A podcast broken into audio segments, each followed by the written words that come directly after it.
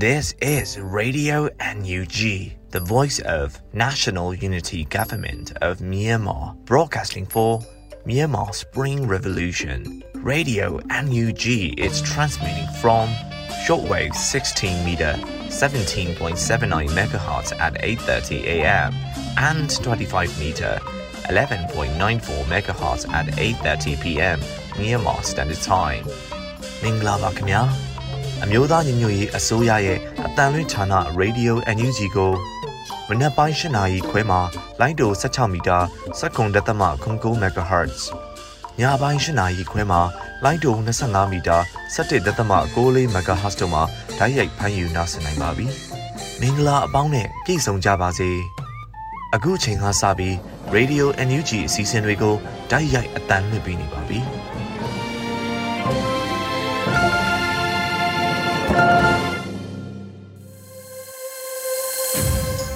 မြန်မာနိုင်ငံသူနိုင်ငံသားအပေါင်းတဘာဝပြီးစစ်အာဏာရှင်ဘေးရောနေကင်းဝေးပြီးကိုစိတ်နှပါကျမ်းမာလုံးခြုံပေးကင်းကြပါစေလို့ရေဒီယိုအန်ယူဂျီဖွဲ့သားများကဆုတောင်းမေတ္တာပို့သလိုက်ရပါတယ်ရှင်။အခုချိန်ကစပြီးရေဒီယိုအန်ယူဂျီရဲ့နောက်ဆုံးရသတင်းများကိုရွေဦးမောင်ကဖတ်ကြားတင်ဆက်ပေးပါမယ်ရှင်။မင်္ဂလာပါခင်ဗျာ။ယခုချိန်ကစပြီး Radio NUG ညနေခင်းသတင်းများကိုဖတ်ကြားတင်ပြပေးပါတော့မယ်။ ယခုတင်ပြပေးမယ့်သတင်းတွေကတော့ Radio NUG သတင်းတာဝန်ခံတွေနဲ့ခိုင်လုံသောမိဖက်သတင်းရင်းမြစ်တွေမှာအခြေခံထားတာဖြစ်ပါတယ်။ကျွန်တော်ကတော့ຫນွေဦးမှာပါ။209ကြိမ်မြောက်နိုင်ငံတကာပါလီမန်များအဖွဲ့အုပ်ချုပ်မှုကောင်စီအစည်းအဝေးမှာမြန်မာကိုစားပြုအဖြစ်ပြည်ထောင်စုလွှတ်တော်ကိုစားပြုကော်မတီကိုဆက်လက်ထားရှိဖို့ဆုံးဖြတ်ခဲ့တဲ့သတင်းကိုတင်ဆက်ပေးပါမယ်။အင်ဒိုနီးရှားနိုင်ငံမှာကျင်းပခဲ့တဲ့209ကြိမ်မြောက် နိုင်ငံတကာပါလီမန်များအဖွဲ့အုပ်ချုပ်မှုကောင်စီအစည်းအဝေးမှာမြန်မာကိုစားပြုဖြင့်ပြည်ထောင်စုလွှတ်တော်ကိုစားပြုကော်မတီကိုဆက်လက်ထားရှိဖို့ဆုံးဖြတ်လိုက်တယ်လို့သတင်းရရှိပါတယ်။ပြည်ထောင်စုလွှတ်တော်ကိုစားပြုကော်မတီ CRPH ကိုမြန်မာနိုင်ငံမှာပြည်ပြင်းတဲ့လွှတ်တော်တရက်ပေါ်ပေါက်တဲ့အချိန်ထိနိုင်ငံတကာပါလီမန်များအဖွဲ့ IPU မှာမြန်မာနိုင်ငံကိုစားပြုအဖွဲ့အစည်းအဖြစ်ဆက်လက်ထားရှိရန်နဲ့ IPU အစည်းအဝေးတွေမှာမဲပေးခွင့်မပြုသောလေ့လာသူ non-voting observer အဖြစ် တက်ရောက်နိုင်ရေး IPU လည်းဆုံးဖြတ်ပေးခဲ့ပါတယ်။ IPU အနေနဲ့ CRPH ရဲ့လုပ်ငန်းတာဝန်တွေနဲ့မြန်မာလူတော်ကိုယ်စားလှယ်တွေရဲ့လူအခွင့်အရေးချိုးဖောက်ခံရမှုများအပါအဝင်မြန်မာနိုင်ငံရဲ့အခြေအနေတွေကိုနိုင်ငံရေးသိမြင်မှုပုံမမြင့်တင်နိုင်ရန်နဲ့စောင့်ကြည့်သွားမှာဖြစ်တယ်လို့ IPU အထွေထွေအတွင်းရေးမှူးချုပ်မာတင်ချောင်ကောင်က CRPH ဥက္ကဋ္ဌဦးအောင်ကြည်ညွန့်ထံကိုစာရေးသားပေးပို့ရမှာဖော်ပြထားပါတယ်ခင်ဗျာဆက်လက်ပြီး စစ်ကောင်စီရဲ့လုပ်ရဟာလူအခွင့်အရေးချိုးဖောက်မှုတွေမကပဲနိုင်ငံတကာရာဇဝတ်မှုတွေကျူးလွန်တဲ့အဆင့်အထိရောက်ရှိနေပြီလို့လူအခွင့်အရေးရာဝန်ကြီးကတတိပေးခဲ့တဲ့သတင်းကိုတင်ဆက်ပေးပါမယ်။စစ်ကောင်စီရဲ့လုပ်ရကြောင့်မြန်မာနိုင်ငံမှာဖြစ်ပွားနေတဲ့အဖြစ်အပျက်တွေဟာလူအခွင့်အရေးချိုးဖောက်မှုတွေမကပဲနိုင်ငံတကာရာဇဝတ်မှုတွေကျူးလွန်တဲ့အဆင့်အထိရောက်ရှိနေပြီလို့ မေလ3ရက်နေ့မှာလူအခွင့်အရေးရာဝန်ကြီးဦးအောင်မျိုးမင်းကပြောကြားခဲ့ပါတယ်။လူအခွင့်အရေးချိုးဖောက်မှုတွေကိုယဉ်ကျေးသောဂုံတိတ်ခါရှိသောဘယ်လူသားတွေမှလက်ခံလို့မရဘူးဝိုင်းဝန်းတွန်းလှန်ဖို့လိုအပ်တယ်ဆိုတဲ့ဆုံးဖြတ်ချက်နဲ့ပေါ်ပေါက်လာတဲ့ຫນွေဦးတော်လှန်ရေးနဲ့အတူဒီလိုမျိုးကိစ္စရပ်တွေကိုဆက်လက်ပြီးတော့ဥပဒေပိုင်းအရာလဲကျွန်တော်တို့ဝန်ကြီးဌာနကနိုင်ငံတကာနဲ့ပူးပေါင်းပြီးတော့အကြမ်းဖက်စစ်ကောင်စီကိုအရေးယူနိုင်ဖို့အမြန်ဆုံးအကောင့်တွေပေါ်နေပါတယ်စစ်အာဏာရှင်တော်လှန်ရေး ຫນွေဦးတော်လှန်ရေးကာလအတွင်းကြာဆုံးခဲ့ရသူစုစုပေါင်းမှာယမန်နေ့အထိ1803ဦးရှိခဲ့ပြီဖြစ်တယ်လို့ AAPP ကတဆင့်သိရပါတယ်ခင်ဗျာဆက်လက်ပြီးနယ်မြေထူထောင်ခြင်းအဆင့်ကိုတက်လှမ်းနေတဲ့အခြေအနေတစ်ခုကိုရောက်နေပြီဆိုတာအကြမ်းဖက်စစ်ကောင်စီပြာရခတ်နေပုံတွေကညွှန်းပြနေတယ်လို့ကိုနေဖုံးလက်ကပြောဆိုလိုက်တဲ့သတင်းကိုတင်ဆက်ပေးပါမယ်။မေလ3ရက်နေ့မှာအမျိုးသားညီညွတ်ရေးအစိုးရရဲ့ Press Secretary ကိုနေဖုံးလက်က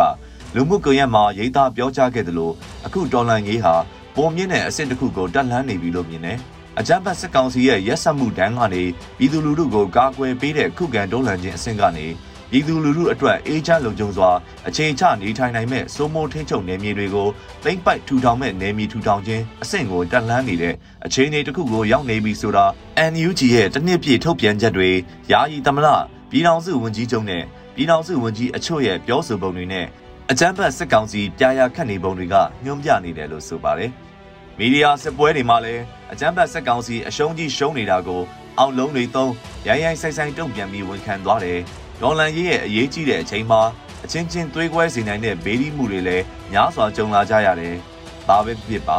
ဒေါ်လန်ရေးဟာအောင်ပွဲစီရောက်ဖို့တဆင့်တက်ခဲ့ပါပြီ။ညီညီညွတ်ညွတ်နဲ့ဥတီချက်မပြတ်ပဲရှေ့ဆက်ကြဖို့ပါပဲလို့ကိုနေဖုံးလက်ကထပ်မံဆိုပါတယ်ခင်ဗျာ။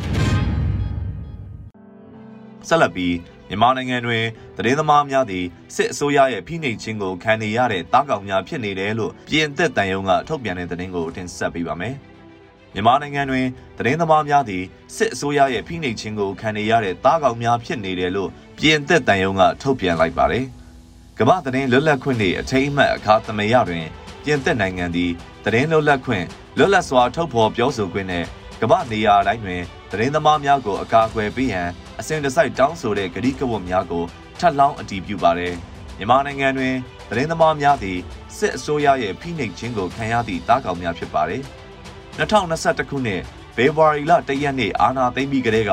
သတင်းသမား135ဦးဖမ်းဆီးခံခဲ့ရပြီး58ဦးကိုမတရားဖမ်းဆီးထိန်းသိမ်းထားဆဲဖြစ်ပါတယ်။ နယ်စည်းမခြားသတင်းထောက်များအဖွဲ့ရဲ့အဆိုအရမြန်မာနိုင်ငံသည်တရုတ်ပြည်သူ့သမ္မတနိုင်ငံပြီးနောက်သတင်းထောက်များကိုဖမ်းဆီးထောင်ချမှုအများဆုံးနိုင်ငံများတွင်ဒုတိယနေရာတွင်ရှိနေပါတယ်လို့မေလ3ရက်နေ့မှာရန်ကုန်ပြည်သက်တန်ယုံကကြေညာချက်ထုတ်ပြန်ခဲ့တာဖြစ်ပါတယ်။မြန်မာနိုင်ငံတွင်လွတ်လပ်စွာထုတ်ဖော်ပြောဆိုခွင့်နဲ့သတင်းလွတ်လပ်ခွင့်များကိုတိုက်ခိုက်ခြင်းမှာအလွန်စိုးရိမ်စရာကောင်းပြီးယနေ့ခေတ်တွင်လွတ်လပ်သောသတင်းစာများမရှိတော့ဘူးလို့လည်းပြည်သက်တန်ယုံကဆိုထားပါတယ်။ သတင်းတောက်အားလုံးကိုချွင်းချက်မရှိအမြန်ဆုံးပြန်လွှတ်ပေးရေးသတင်းစာလွတ်လပ်ခွင့်နဲ့လွတ်လပ်စွာထုတ်ဖော်ပြောဆိုခွင့်တို့ကိုလေးစားလိုက်နာရန်နဲ့မြန်မာနိုင်ငံရှိအင်တာနက်ကန့်သက်ချက်များအားလုံးကိုရုပ်သိမ်းပေးပါရန်မြန်မာနိုင်ငံဆိုင်ရာပြည်သစ်တန်ယုံကတောင်းဆိုလိုက်ပါတယ်။ယုံကြည်စိတ်ချရသောသတင်းအချက်အလက်များပေးပို့နိုင်ရန်အသက်အန္တရာယ်ကိုစွန့်စားပြီးလှုပ်ဆောင်နေရတဲ့သတင်းတောက်များရဲ့အလုပ်ကိုပြည်သစ်နိုင်ငံကလေးစားဂုဏ်ပြုပါကြောင်းဖော်ပြအပ်ပါတယ်လို့ဆိုထားပါတယ်ခင်ဗျာ။ဆက်လက်ပြီး အင်းတော်ရဲစခန်းမှရဲသုံးဦးလက်နက်နဲ့အတူအလင်းဝင်ရောက်လာတဲ့တဲ့ရင်ကိုတင်ဆက်ပေးပါမယ်။အင်းတော်မြို့ရဲစခန်းမှစစ်ကောင်စီတပ်ဖွဲ့ဝင်ရဲသုံးဦးလက်နက်များနဲ့အတူကောလင်းမြို့နယ်ရှိဒေသခံကာကွယ်ရေးတပ်တို့ဧပြီလ30ရက်နေ့ကအလင်းဝင်ရောက်လာတယ်လို့သတင်းထုတ်ပြန်ခဲ့ပါတယ်။ရဲသုံးဦးမှာဦးစီထုတ်တနက်တစ်လက် G3 နှစ်လက်လက်ပစ်ပုံလေးလုံး 7.62G 1262တောင်ကိုမမကြီး182တောင်နဲ့ လက်နက်အချို့တို့ဖြင့်အလင်းဝင်ရောက်လာခြင်းဖြစ်တယ်လို့ဆိုပါတယ်။အဆိုပါရဲသုံးဦးကိုအချုပ်တွင်ထည့်ထားခြင်းမျိုးမပြုဘဲလွတ်လွတ်လပ်လပ်သွားလာခင်ပေးထားကြောင်းသိရပါတယ်။လက်ရှိမှာ CDM တက်နေရဲတောင်းနီးပါးရှိပြီဖြစ်တယ်လို့သိရပါတယ်ခင်ဗျာ။ဆက်လက်ပြီးမုံရွာမြို့အိုးဘူတောင်ရက်ကွက်စစ်ကောင်စီအကြမ်းဖက်တဲခေါ်ရေးစခန်းရှိကိုယနေ့မနက်မုံရွာခရိုင်တပ်ရင်းတစ်ကလက်နက်ကြီးလက်နက်ငယ်များနဲ့ပြစ်ခတ်တိုက်ခတ်ခဲ့တဲ့တဲ့ရင်ကိုတင်ဆက်ပေးပါမယ်။ မေလ3ရက်နေ့ဒီကနေ့မနက်9နာရီမှာမုံရမြို့အိုးဘူတောင်ရက်ကွက်စစ်ကောင်စီအကြမ်းဖက်တဲခိုရေးစခန်းသို့ကားရဲ၍ပစ်ခတ်တိုက်ခတ်ခဲ့တယ်လို့ Special Regional Attack Forces SRAF မုံရခရိုင်တပ်ရင်းတပ်ကဆိုပါတယ်။လက်တလောထိခိုက်ပျက်စီးမှုအခြေအနေများကိုအတည်ပြုနေစေဖြစ်ပါတယ်။စစ်စင်ရေးတွင်ပါဝင်သောမဟာမိတ်အဖွဲ့များနဲ့ SRAF မှာအထီးခိုက်မရှိပြန်လည်ဆုတ်ခွာနိုင်ခဲ့ပါတယ်ခင်ဗျာ။ဆက်လက်ပြီး ရွေးကောက်ပွဲအနိုင်ရ NLD အမတ်တွေပါတီဝင်တွေနဲ့နာမည်ကျော်အမှုပညာရှင်တွေရဲ့အိမ်တွေကိုစစ်ကောင်စီကချိတ်ပိတ်ယုံနေမကရောင်းချဖို့အထိပြင်ဆင်နေပါတယ်။မူရစ်စေဝါနဲ့စိတ်ကိုပြောင်းလဲစေသောစေဝါများဥပဒေငွေကြေးခွာချမှုတိုက်ဖြတ်ရေးဥပဒေအဂတိလိုက်စားမှုတိုက်ဖြတ်ရေးဥပဒေအကြမ်းဖက်မှုတိုက်ဖြတ်ရေးဥပဒေတို့ရဲ့ပြဋ္ဌာန်းချက်တွေအရပြစ်မှုကျူးလွန်ကြောင်းထင်ရှားရင်အဲ့ဒီပြစ်မှုနဲ့သက်ဆိုင်တဲ့ရွှေ့ပြောင်းနိုင်သော မရွှေ့ပြောင်းနိုင်သောပစ္စည်းတွေကိုနိုင်ငံပိုင်အဖြစ်သိမ်းဆည်းရမည်လို့ဖော်ပြထားတာကိုစစ်ကောင်စီကအသုံးချနေတာပါစစ်ကောင်စီက2022ခုနှစ်မတ်လ18ရက်နေ့အထိ NLD လွှတ်တော်ကိုယ်စားလှယ်တွေနဲ့ပါတီဝင်တွေရဲ့နေအိမ်နဲ့လုပ်ငန်းအဆောက်အအုံ280ကျော်ကိုချိတ်ပိတ်ခဲ့တယ်လို့ NLD ကမတ်လ18ရက်နေ့မှာသတင်းထုတ်ပြန်ထားပါတယ်။ဧပြီလကုန်မှာချိတ်ပိတ်ထားတဲ့အိမ်တွေရောရောင်းစားဖို့စစ်ကောင်စီကပြင်ဆင်လာပါတယ်။ဒီအကြောင်းနဲ့ပတ်သက်ပြီးဥက္ကမောင်မြင့်ဥပဒေအကြံပေးကအခုလိုပြောဆိုထားပါတယ်။ အမှုဖွင့်လိုက်တာနဲ့အိမ်တွေကိုချစ်ပိတ်တယ်ဆိုပြီးတင်စီလိုက်တဲ့ဆိုင်ဘုတ်ကြီးကတ်ပြီးတဲ့အခါကျတရားရုံးကတရားစွဲဆိုမှုစစ်သေးစီရင်မှုကြားနာမှုအပိဓာမင်းနဲ့မချဘူးရာဇဝတ်ထွေထွေမှုလည်းမဖွင့်ရသေးဘူးအဲ့လိုမဖွင့်ရသေးဘဲနဲ့နိုင်ငံပိုင်ဖြစ်တဲ့သိသိပြီးတော့ရင်းနှီးမြှုပ်နှံမှုကော်မရှင်လက်အောက်ကိုလည်းရောက်မသွားသေးပဲနဲ့ဒါတွေကိုပြန်လည်ရောက်ချမယ်ဆိုတာကတော့ပြောရင်တော့တည်ဆဲဥပဒေအမိန့်ညွှန်ကြားချက်တွေနဲ့တော့ကိုက်ညီမှုရှိဘူးညှင်းမှုမရှိတော့တက်ကြွလှုပ်ရှားသူတွေရဲ့နေအိမ်တွေကိုစစ်ကောင်စီကဇက်တိုက်ချိတ်ပိတ်နေတဲ့လုပ်ရက်ကို အမျိုးသားညီညွတ်ရေးအစိုးရ NUG ကကန့်ကွက်ရှုတ်ချပြီးချိတ်ပိတ်ခံရသူတွေဟာသူတို့စီမှာအမှုဖွင့်တိုင်ကြားနိုင်တယ်လို့မတ်လအတွင်းမှာထုတ်ပြန်ထားပါတယ်။စစ်ကောင်စီဟာအိမ်တွေကိုချိတ်ပိတ်ပြီးဥပဒေလုံထုံးလုံနည်းတွေနဲ့မညီပဲရန်ရောင်းစားမှုကြံစည်နေတာဟာမတရားမှုဖြစ်တယ်လို့အိမ်ချိတ်ပိတ်ခံရတဲ့လွတ်တော်ကိုယ်စားလှယ်တယောက်ကအခုလိုပြောပါတယ်။ကျွန်တော်ပါဝင်ပေါ့နော်။လွတ်တော်ကိုယ်စားလှယ်အားလုံးတည်တည်ရဲ့တိုက်တာအိမ်ခြေတွေကိုဥပဒေမဲ့သိသိရပြီးတော့သိသိမကဘဲနဲ့ပြန်လည်ပြီးတော့ရောင်းချတယ်ဆိုတာ ဒီမတရားလုပ်မှုလို့ကျွန်နိုင်ငံလုံးကခါးစည်းခံရတာကျွန်တော်တို့လည်းအထူးတူပေါ့နော် PGP သားတွေအားလုံးကလည်းဒီဟာမတရားမှုမှန်ဆိုတာအားလုံးသိရှိခံစားနားလည်နိုင်ကြပါပါနောက်ထပ်လည်းဒီလိုသိသိမှုတွေဖြစ်မလာပါစေလို့ပဲကျွန်တော်လည်းဆုတောင်းပါတယ်ပြည်သူတွေကိုမတရားဖမ်းဆီးတပ်ဖြတ်တာရွာလုံးကျုပ်အိမ်တွေကိုမီးရှို့ဖျက်ဆီးတာတွေကိုတောင်စစ်ကောင်စီကဥပဒေမဲ့ကျူးလွန်ခဲ့ပြီးအခုအိမ်တွေကိုချိတ်ပိတ်ပြီးရောင်းစားဖို့ပြင်ဆင်နေတာဟာ ဒေါ်လာရေးမှာပါဝင်နေသူတွေကိုစိတ်ပိုင်းဆိုင်ရာအရာထိခိုက်အောင်လုပ်နေတာလို့နိုင်ငံရေးသမားတွေကသုံးသပ်ကြပါတယ်ခင်ဗျာနောက်ဆုံးသတင်းအနေနဲ့မေလ2ရက်နေ့တရက်ထဲမှာစကိုင်းတိုင်းကအင်းဘတ်ရွာနဲ့မလဲတာကျေးရွာတွေကိုစစ်ကောင်စီကမီးရှို့ဖျက်ဆီးခဲ့တာကြောင့်အင်ချေရာနဲ့ချီပြီးမီးလောင်ပျက်စီးခဲ့တဲ့သတင်းကိုတင်ပြပေးပါမယ်။မေလ2ရက်နေ့ကစကိုင်းတိုင်းခင်ဦးမြို့နယ်ကအင်းဘတ်ရွာနဲ့ အရတော်မြို့နယ်ကမလဲတာကျေးရွာတွေကိုစစ်ကောင်စီကအကြမ်းဖက်မီးရှို့ခဲ့တာကြောင့်အင်ချေရာနဲ့ချီပြီးမီးလောင်ပျက်စီးခဲ့ပါတယ်။အင်းဘတ်ရွာမှာအင်ချေ300ထက်မနည်းမီးလောင်ပျက်စီးခဲ့ပါတယ်။မလဲတာကျေးရွာမှာတော့အင်ချေအများအပြားမီးလောင်ပျက်စီးခဲ့ပြီးအတိအကျကိုတော့အတိမပြုနိုင်သေးပါဘူး။ဒီအခြေအနေတွေကိုအင်ပတ်ရွာသူတယောက်ကအခုလိုပြောပါတယ် ကျမတို့ကတော့ အခုနေစရာလည်းမရှိဘူး အခုကျွဲနွားတွေကလည်းအခုမိတဲ့ပါ ဒဏ်ရာရနေဆိုတော့ ကျမတို့မှာ အခုအခက်အခဲမျိုးစုံနဲ့ ရင်ဆိုင်ကြုံတွေ့နေရပါတယ် ကျမတို့မှာဘလို့လို့လို့လို့မမသိဘူးရှင်ကျမ အဲ့ကောင်တွေကို တော်လန်းချင်တာတတ်ရှင်တာရှင်အခုတော့ကျန်တဲ့ကြီးရတယ်လည်းဘလောက်ဆုံးရှုံးမှုများမှမသိဘူးရှင်ကျမတို့မှာ အခုဒုက္ခကြီးကြီးရောက်နေပါတယ် ကလေးတွေရော အကုန်လုံးရှင် မကန့်နိုင်ပါဘူးရှင်ကိုသက်လေးကိုကိုမနေယုံနေအားပါရှင်ကျမတို့အခုဒီမှာဆန်လက်တချို့ကျော်အလုံးမရှိတဲ့ခါကျော်ဆရာအဲ့ရတွေကအခုလာတိုင်းနဲ့ယူဆပြီးတော့မှအဲ့လိုလေးယူဆတဲ့အနေထားလေးပဲဒီကောက်ပေးလေးတွေယူဆပြီးတော့အဲ့လိုလေးတွေဖြစ်နေပါတယ်ရှင်အစီလဲတပိတ်သားချင်းဝယ်ခါရ90သားချင်းဝယ်ခါနဲ့အဖြစ်ကိုရောက်နေပါတယ်ရှင်ဒေါ်လာရေးမှာပါဝင်နေသူတွေကိုလည်းစစ်ကောင်စီကနှီးမျိုးစုံနဲ့အနိုင်ကျင့်ခဲ့ပြီး နေအိမ်တွေစီးပွားရေးလုပ်ငန်းတွေကိုလည်းချိတ်ပိတ်သိမ်းယူထားတဲ့အပြင်ဥပဒေလုံထုံးလုံနည်းတွေကိုကြော်လွန်ပြီးရောင်းချဖို့အထိပြင်ဆင်နေပါတယ်။အိမ်ချိတ်ပိတ်ခံရသူတယောက်ကတော့စစ်ကောင်စီနဲ့ပေါင်းပြီးချိတ်ပိတ်ထားတဲ့အိမ်တွေကိုဝယ်တဲ့သူတွေဟာစစ်ကောင်စီထောက်တိုင်နေတာဖြစ်ပြီးစောင့်ကြည့်နေတယ်လို့ဆိုပါတယ်။ ချိတ်ပိတ်တယ်ဆိုတော့ကလေစရန်နီနဲ့လာကတ်သွားတာဗျာ။ဒီအိမ်ကြီးချင်းနေမျိုးမှာ ချိတ်ပိတ်ထားတဲ့အိမ်မျိုး ပြည်သူအိမ်ကို ဝယ်တယ်ဆိုတော့လူပေါ့နော် ဝယ်တယ်ဆိုတော့ဝယ်မဲ့စိတ်ကူးတဲ့သူတွေကတောင်းကြီးတောက်တိုင်နေတာဖြစ်တယ်ပေါ့နော် အဲ့တော့ ကျွန်တော်တို့ကတော့ သူတို့ ဝယ်ခြင်း မဝယ်ခြင်းဆိုတဲ့နေရာမှာ အခုချိန်မှာ သူတို့ပါဆိုစာချုပ်တင်တဲ့ဒီစစ်ကောင်စီနဲ့ ပူးပေါင်းပြီးတော့ဘလောက်ပဲလှုပ်တာလှုပ်တာကျွန်တော်တို့ ဒီတိုင်းတာမှာလည်း တရားမဝင်တယ်လို့ကျွန်တော်တို့နယူးဒေါ်လာရေးဆိုတဲ့ အခန်းကဏ္ဍကြီးကျွန်တော်ဒေါ်လာရေးကဏ္ဍကြီးပြီးရင် ကျွန်တော်တို့အိမ် ကျွန်တော်ပြန်ဝင်မယ်2022ခုနှစ် ဇန်နဝါရီလတုန်းကလည်း အနောက်မြောက်တိုင်းစစ်ဒေသစစ်တိုင်းမှုဗိုလ်ချုပ်ဖြိုးတန့်နေရမှာဗိုလ်ချုပ်တန်းထိုက်ကိုစစ်ကောင်စီကအစားထိုးခန့်အပ်ခဲ့ပါတယ်။ဒီလိုပြောင်းလဲခန့်အပ်တာတွေပြုလုပ်ပြီးအကြမ်းဖက်နေပေမဲ့ဒေသတွင်းပြည်သူတွေကစစ်အာဏာသိမ်းမှုကိုလက်မခံဘဲအချိန်တစ်နှစ်ကျော်ကြာတဲ့အထိခုခံဒေါ်လန်နေတာကြောင့်စစ်ကောင်စီဟာသူတို့မျှော်မှန်းထားသလိုဒေသကိုအလွယ်တကူမထိန်ချုပ်နိုင်ဖြစ်နေပါတယ်ခင်ဗျာ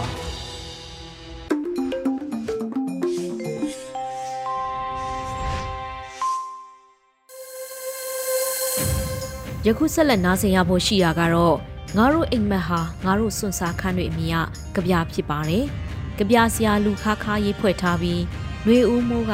ခန်းစားရွက်ဖတ်ထားပါတယ်ရှင်။ငါတို့အိမ်မက်ဟာငါတို့စွန့်စားခန်းတွေမိုးစလင်းတော့အခန်းတကားကိုတွန်းဖွင့်လိုက်တယ်။မနက်ခင်းတွေဝိုးတိုးဝါထားတယ်။လမ်းမမြင်ကမ်းမမြင် တန်တရာဆက်ဝန်းတစ်ခုတည်းငါလှမ်းတွေးလိုက်ရတယ်လူတွေစက်ရုံအလုသမားလေးတွေခေါင်းရွက်ဖြတ်ထိုးဈေးသည်တွေလမ်းလျှောက်ခြိတက်နေတဲ့လူအုပ်ကြီးသူတို့မပေါက်သေးခရီးမှာသူတို့မပြီးမြောက်သေးတဲ့အိမ်မက်နေ့တွေများစီမျော်လင့်တကြီးလမ်းလျှောက်ခြေတက်နေတဲ့လူတုထဲမှာငါတို့သူတို့ကိုယုံကြည်ရာကိုလျှောက်လှမ်းလို့ဒါမှမဟုတ် နေဆာတူဟာရှင်တန်မှုဖြစ်စဉ်ထဲကလိုအပ်ချက်တစ်ခုအတွက်လားမြို့မျက်နှာများရဲ့တစေဆန်မှုမှာလူအုပ်ကြီးကတယောက်တလန်းအပြေးအလွာသွားနေပုံကအစမ်းတော့မဟုတ်ခင်အဲ့ဒါလိုနေ့တွေကြီးပါပဲလူဘဝခဏတာရှေလျားလုံးနဲ့ဒုက္ခတန်တရားတယ်ငါတို့ဟီမောမောပါပဲအဲ့ဒီလိုနဲ့ ငါတို့ရဲ့အိုမင်းရင်းရော်လာမှုအရေးရှိရှိညနေတွေတန်တရားဝဲကရမှာတွဲလဲခုတ်ခဲ့ကြတပြားတဲ့နေအောင်အောက်မှာလူတွေအပြေးအလွှာသွားလာလှုပ်ရှားနေတဲ့မြင်ကွင်းဟာရင်သက်ရှုမောဖွယ်ဟာငါတို့အိမ်မက်တွေဟာငါတို့ရဲ့စွန်စားခန်းနေတွေပဲငါတို့ရဲ့အိမ်မက်ဟာကြောက်ကပါစုံးမှာပွင့်နေတဲ့ပန်းပဲလူခခ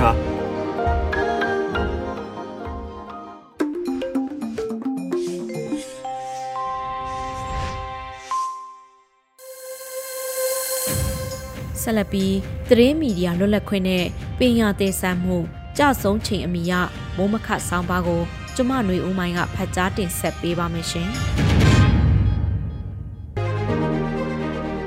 သတင်းမီဒီယာလွတ်လပ်ခွင့်နဲ့ပညာသင်ဆန်းမှုကြဆုံးချိန်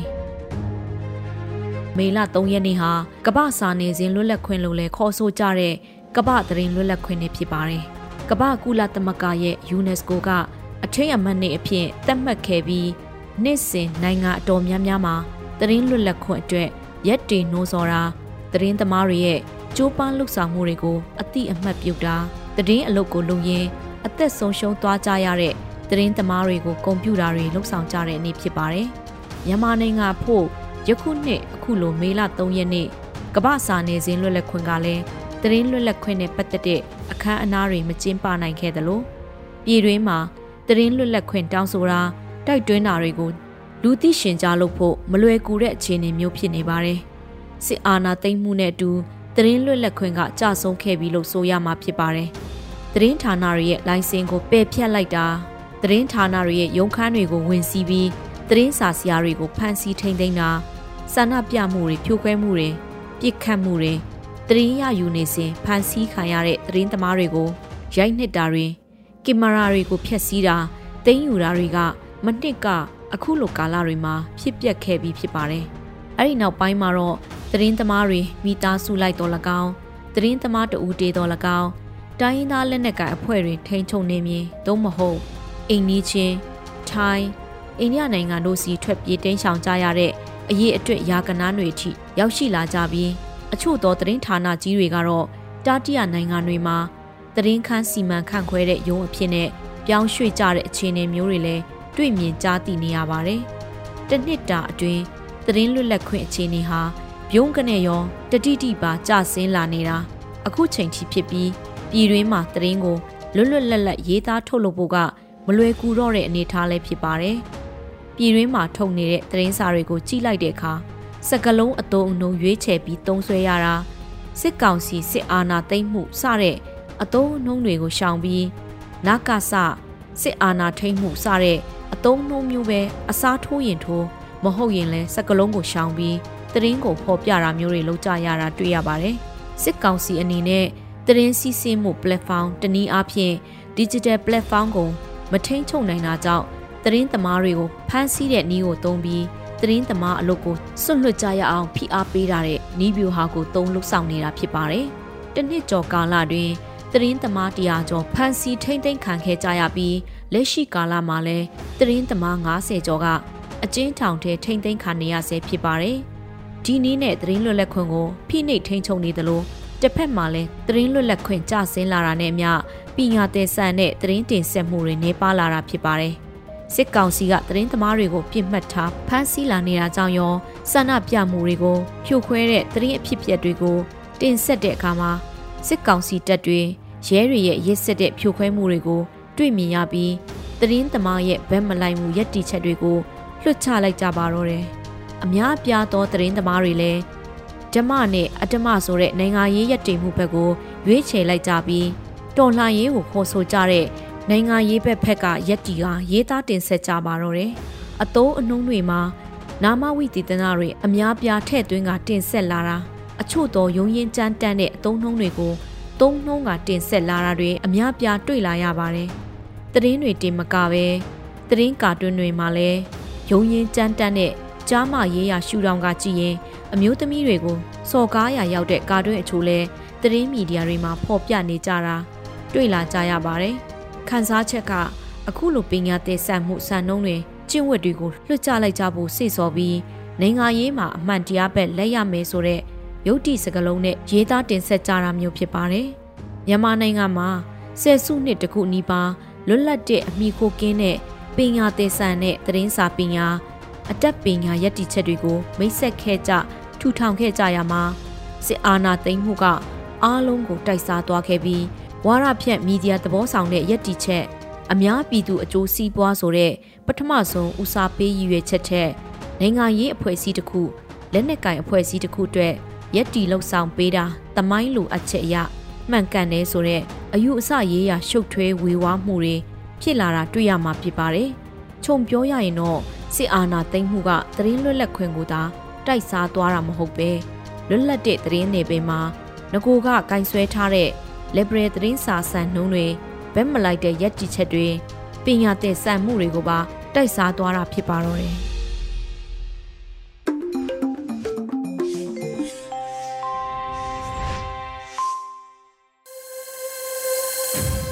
ရေဒီယို UNG မှာဆက်လက်တမ်းလွှင့်နေပါတယ်။ဆက်လက်ပြီးတိုင်းသားဘာသာစကားဖြင့်ထုတ်လွှင့်မှုအစီအစဉ်ကနေတပတ်တွင်းသတင်းများကိုအနောက်ပိုးကင်ဘာသာဖြင့်နန့်ထီထာမင်းကတင်ဆက်ပေးမှာဖြစ်ပါတယ်ရှင်။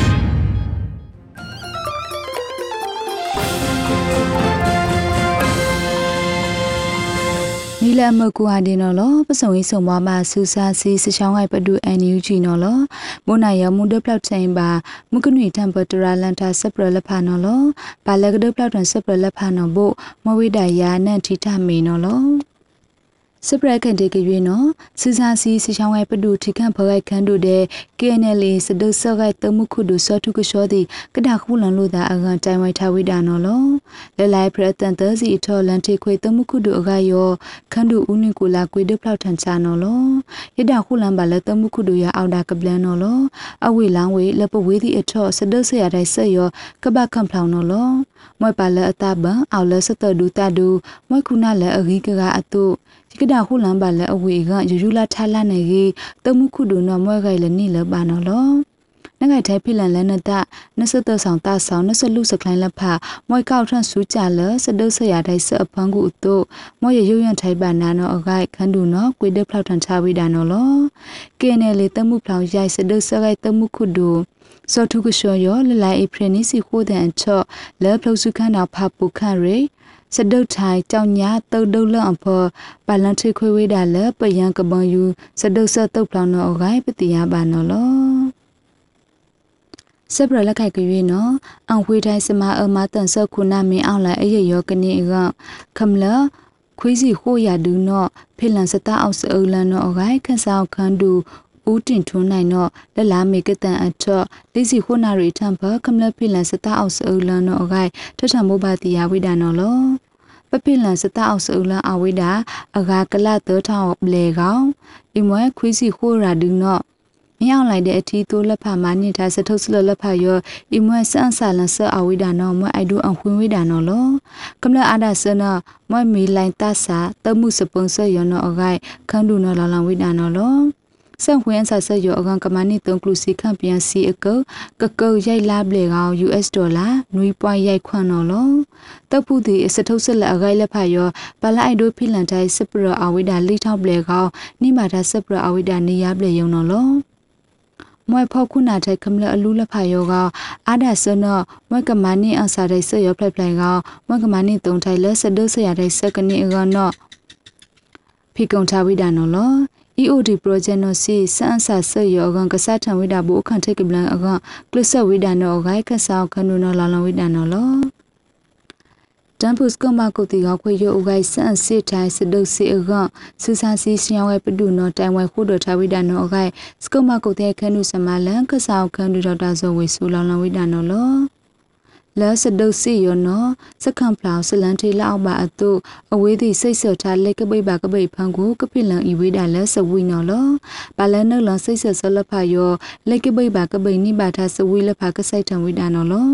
စကံပလောက်တဲ့လန်ထေလောက်ပါအကြောင်းပနိပါဒစဝီလဖာအီမလပိုက်ဒိုဘာနော်ဘလက်ကနေတံဘနှုတ်လန်စိတ်ဆက်ထားရတဲ့လနေပလန်တဲ့တဘလန်ကနေကခိုးတော်ထိုက်ဝိဒါနော်အဂိုင်းစကမကုတ်တီရိုက်ခန်ဒူဒေါက်တာဇောဝေဆုနော်လောင်လောင်ဝိဒါနော်လော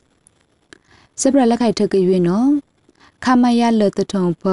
ပယံတပူလက်ဖာလက်လိုက်အဖရတန်တစီထောဂိုင်းနလန်ဆူလက်ခမလက်ဖာအောင် CDM အကြောင်းထုတ်ဆော်ထားဝိဒါနောအဂိုက်ကောဘရာတုတ်ဖောင်းနောထုတ်ထမှုပါတီယာဝိဒါနောလော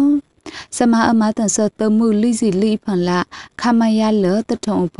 တုတ်ဖူမောင်စောတဲ့ကျော်သူဆိုးသည်နော ဂိုင်ဆက်ကလုထိုင်ဆော့ကလလိုက်ပြနေစီခိုးတဲ့အချော့ဂိုင်နလန်ထဝိဒါလဆူဝိုင်းလဖလက်ကော့ဘရာတုတ်ဖလာအောင်အကြောင်းစူစာစီရှောင်းရဲ့ပဒုနောဖိလန်မလာမဖန်လက်ခန့်ပြစီစီကုတ်ခူးစီတဲ့တုတ်ဖူမောင်ဆိုရောကစမလာမဖန်ဘာကလာဘနောဂိုင်ကောဘရာတုတ်ဂိုင်ဖလာတုတ်ခုဒူဒါဘောနောဖိလန်ထဝိဒါနောလော ဂိုင်နုလန်စီရီအမ်တပ်ပုနီကအကလာအကကနဘိုဂိုင်ဆိုနစ်ထိုင် MA4 ကလောင်ကခုကလောင်တာအရေးလိပေါင်လိစီမမကလောင်တာခုပလုံးရိုက်ပွားရိုက်စီခုကလောင်တာကရနော်လောဘလဂိုင်နုလန်စီရီအမ်တပ်ပုတဲ့အရေးနောက်ပူလက်ဖတ်ရောအက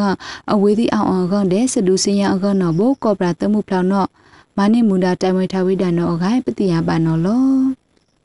မကနွေတမ်ပစထရာလန်တာစပရလဖာနမွနာခွေရလခပ်ပြန်တိခန့်တဲ့ခုနာစပူလဖာထားလို့မကနိမာတိုင်းစမိုးဆရှုဆူဖလက်ကနီအကပစုံရေးဆုံးပွားပါနော်လော